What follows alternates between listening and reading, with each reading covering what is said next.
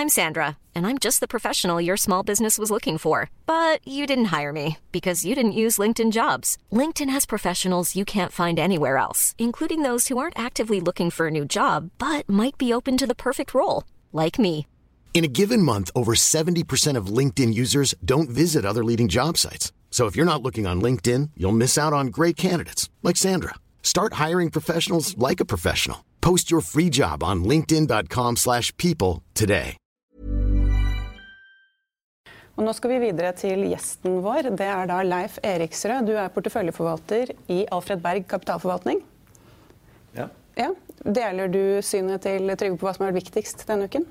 ja, det vil jeg si. Det har vært eh, utrolig mye selskaper som landet på å legge fram tall akkurat denne uka, så det er nesten vanskelig å skille tallene fra hverandre. Eh, Hvis du skal se litt eh, fremover, hva vil du si er det viktigste da? Jeg tror Nå er det kanskje rundt en tredjedel som har lagt fram tall allerede. Eh, og det er på en måte stor nok andel til å trekke litt konklusjoner. Eh, og konklusjoner så langt er at summen er vel kanskje bedre enn venta. Og det skal en del kvartaler bakover i tid før det faktisk eh, tallene har vært bedre enn venta. valuta tror jeg også blir viktig fremover.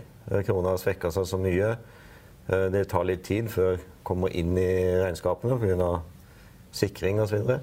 Så, eh, jeg tror kanskje det er litt krefter som drar i positiv retning fremover. Eh, Du snakket litt om kronesvekkelsen. Hvilke selskaper er det som vil nyte godt av det? Eh, I Norge så er det jo nesten alle, fordi de fleste er jo nettoeksportører. Så, så det, er, det er veldig mange av de norske selskapene som, som nyter godt av det. Men hvilke justeringer vil vil dere gjøre fremover, hvis det er noen uh... nei, dette er nok bra sånn på bred basis. Eh, jeg tror ikke det spesifikke momentet egentlig gjør noe for porteføljesammensetningene våre. Så vi får heller ta det som en, si, en, en pluss på, på, på, på det hele markedet. Men Du sa det var bedre enn ventet, men er det da bedre enn fryktet? Eh, forventningene var ikke dårlige i forkant. Eh, så nå er vi på en måte i tredje kvartal. Det er liksom den typiske profit warning-sesongen. Det har vært lite profit warnings. Så jeg tror ikke nødvendigvis frykten har vært så veldig stor. Jeg tror forventningene har vært på å moderat edruelige. Eh, og så er det noen som da leverer litt i overkant. Eh, Forrige kvartal var jo problemet egentlig at det var få som leverte i overkant, men mange som leverte i underkant. og derfor ble si, gjennomsnittet minus. Eh, Så langt så ser det ut til at gjennomsnittet blir pluss. da. Så, Men Du sier det er få som har levert profit warnings. Er det noen man kan vente seg fremover? Er det noen, uh, nei. noe du frykter sånn sett? Nei, for nå er vi så langt ut i oktober at uh, det er jo normalt at det kommer tidligere i måneden. Og de selskapene som ikke har skjønt at de eventuelt har et problem før nå, de, De sliter? ja, de bør man ikke ha uansett. Nå er er Norwegian nå igjennom problemene sine? Nei da. Nei, så langt herfra. Det var masse engangseffekter i går. Så, så den jojo-tilværelsen til Norwegian den kommer til å fortsette. Norwegian er jo en fascinerende aksje, men, eh, men det, er, eh, det er så sensitivt for endringer i ja. en input-variablene. Så, Så er det de inntektene fra salget av de flyene. De var sikkert også med der, en del av det. jeg tror også kanskje det var en del sånn refusjon fra Boeing. Ja, Kanskje, hvis det begynte å komme, da. Ja. Mm. Hva tenk, tenkte du på om det joint venture?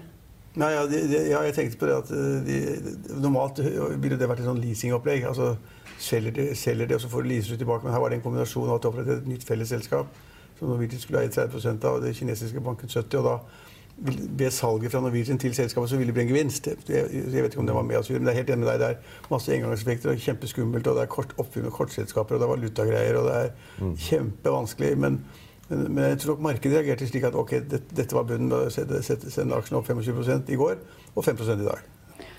Markedet syns det. Ja, det, det er på en måte sannsynligvis ganske mye kortsiktige investor på banen her. Jeg tror det har vært noen som skulle dekke en shortsalg òg. Det kan det godt ha vært. For da må de være raske med å kjøpe aksjer. Da, da driver jo kursen opp. Men eh, jeg tror eh, du skal være veldig risikovillig for å shorte Norwegian. Ja, ja. Så jeg tror ikke det er å si, idealkandidaten til de som shorter mye. Men det var en 10-15 av aksjene som var ute til utlån til shorting. da. Mm. Ja, det kan være mot si, andre posisjoner. Ja. Men Du sa at en tredjedel av selskapene har lagt frem tall. To tredjedeler er igjen. Mm. Eh, Hvilke er de viktigste da, som kommer? Eh, ja, Hvis vi ser nedover, da. Vi har jo oppdrettsselskapene er jo fortsatt ikke kommet. Uh, ja Ser nedover på lista der. Det er jo en, ja, det er vel hovedsakelig oppdrettssektoren. Uh, Equinor er kommet. Uh, Hydro, Hydro er kommet. Mm. Ja. Uh, DNB er kommet, Gjensidige er kommet. Storebrand har kommet, Gjensidige er kommet. Ja. Mm. Så mange av de største har allerede kommet. Men da ser det egentlig ganske lyst ut for resten av året, da, siden det ikke er så mange som melder om at de har gått på en smell? Ja, jeg vil si, jeg vil si det. Ja. Men, og så er det også slik, tror jeg, det, altså, det ser jo ut som menn, kan du si da, menn. Det ser ut som da, de, de tallene man ofte får fra meglere eller andre når det gjelder da, neste halvår, altså i 2020, at de fleste regner med at inntektene skal gå noe ned, eller inntil noe ned, fordi at de regner med at veksten i verdensøkonomien blir litt lavere og litt mindre aktivitet. Og da, hvis det er mindre aktivitet, så tjener selskapene mindre normalt. Så det er mange som tror at det vil bli lavere inntjening i det kommende halvåret. Uh, ja, det kan være. Men vi for vår del vi opererer stort sett med inneværende år. Inneværende, altså fortsatt 2019? Ja, og det er rett og slett for at I analytikernes regneark så er alltid neste år er egentlig bare funksjon av årets inntjening. Mm. Og så er gjerne litt opp på marginen og litt opp på topplinja. Så Derfor ser du alltid at neste år er alltid sånn ca. 10 bedre enn inneværende år.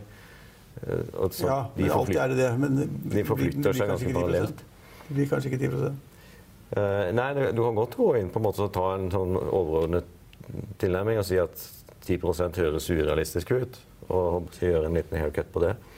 Det er på en måte en fornuftig tilnærming, det. altså. Men, eh, men iallfall de, eh, de estimatene som ligger eh, ute i databasene nå, de er, si, de er såpass påvirket av 2019-tallene likevel at, at, det gir egentlig ikke noe særlig mening i å begynne å analysere 2020-tallene enda. Men hvis du skal oppsummere på en måte deres tro på resten av året, da, hvordan vil det være?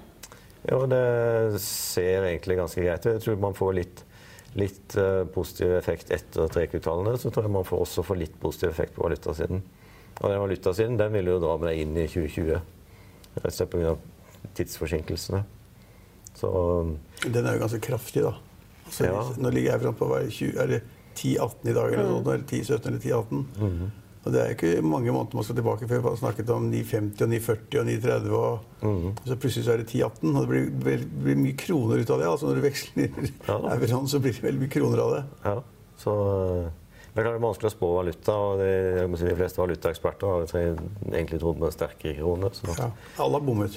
Ja, så jeg tror man... man, kan, man kan vel nå sikre seg ved å selge da, ja. Euroinntektene sine på kursen 10-20 eller sånn, og det blir mye penger av det. Ja, ja. Og det har jo selskapene gjort de siste par årene. For at, for at krona har hele tiden vært forventet å styrke seg. Så derfor har man jo sikret løpende, og så, så er det de tidsforsinkelsene som oppstår. Men. Men likevel litt eh, sånn relativt positive da, for eh, utgangen av året? Ja, jeg tror, jeg tror vi på en måte kan skru opp eh, optimismen litt så langt på 3Q-sesongen. Mm. Det kan vi gjøre. Men kan du komme med noen konkrete selskaper som dere har spesielt stor tro på? Eh, ble nevnt i stad DNB leverte hva bankene kommer fortsatt til å levere hva. Eh, forventningene til bankene er ganske moderate. Så, så, bank tror jeg nok blir en interessant sektor. Og så er det jo eh, ja, eksportindustrien.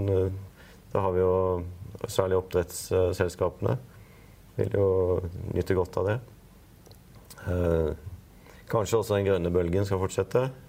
Tomra har jo vært nevnt her flere ganger. Men Uforståelig dyr aksje, men eh, Ja, den er veldig dyr. Men eh, det, det er på en måte et det er, hva skal jeg si, det er på en måte et investeringscase hvor investoren er villig til å se langt frem. Men vil du kjøpe en aksje i din portefølje når du forvalter andres penger og betaler 40 ganger inntjeningen? liksom? Ja.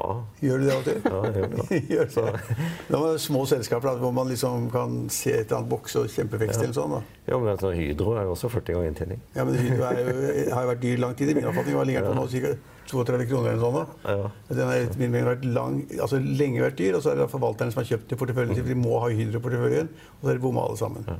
Men er, altså, investorene nå, i og med at langrentene er 1 eh, best case, eh, så, så er investorene villige til liksom å å se veldig langt frem hvis de på en måte føler at det er stor sannsynlighet for at du er i en vekstindustri. Eh, det er litt sånn som med IT-aksjer, helseaksjer. altså der, der, hvor investorene føler seg trygge på veksten, er de på en måte villige til å se veldig langt frem i tid. Så tommere har jo vært dyr i ja, nesten så lenge jeg kan huske. Ja, ja. Så Ja. Da er Trygve skeptisk, men dere er positive. Nei, jeg, vil si, jeg er skeptisk. Altså, det er helt prinsip, det er sånn prinsipielt grunnlag. Altså, en ørnings på betale øh, 40 eller 50 eller 60 ganger ørnings, det gjør jeg ikke. Og pris på på 6, 7 eller 8, det gjør man bare ikke. Men så er det selvfølgelig selskaper hvor, man da er inne, som da har en prisbok på 5 eller 4 sånn, Mhm. som da blir eventyrlig. ikke sant? Det er et eller annet tull med balansen man har ikke forstått, eller hvor- hvordan det nå er. da. Man kan også tenke seg at inntjeningen blir så eksplosiv at det er lurt å betale 40 ganger nå, men altså, det, er, det er unntakene, vet du. Det er ja, ja, absolutt. Men det finnes. Planning for your next trip? Elevate your travel style with Quince. Quince has all the jet setting essentials you'll want for your next getaway, like European linen, premium luggage options, buttery soft Italian leather bags, and so much more. And is all priced at 50 to 80% less than similar brands. Plus, Quince only works with factories that use safe and ethical manufacturing practices.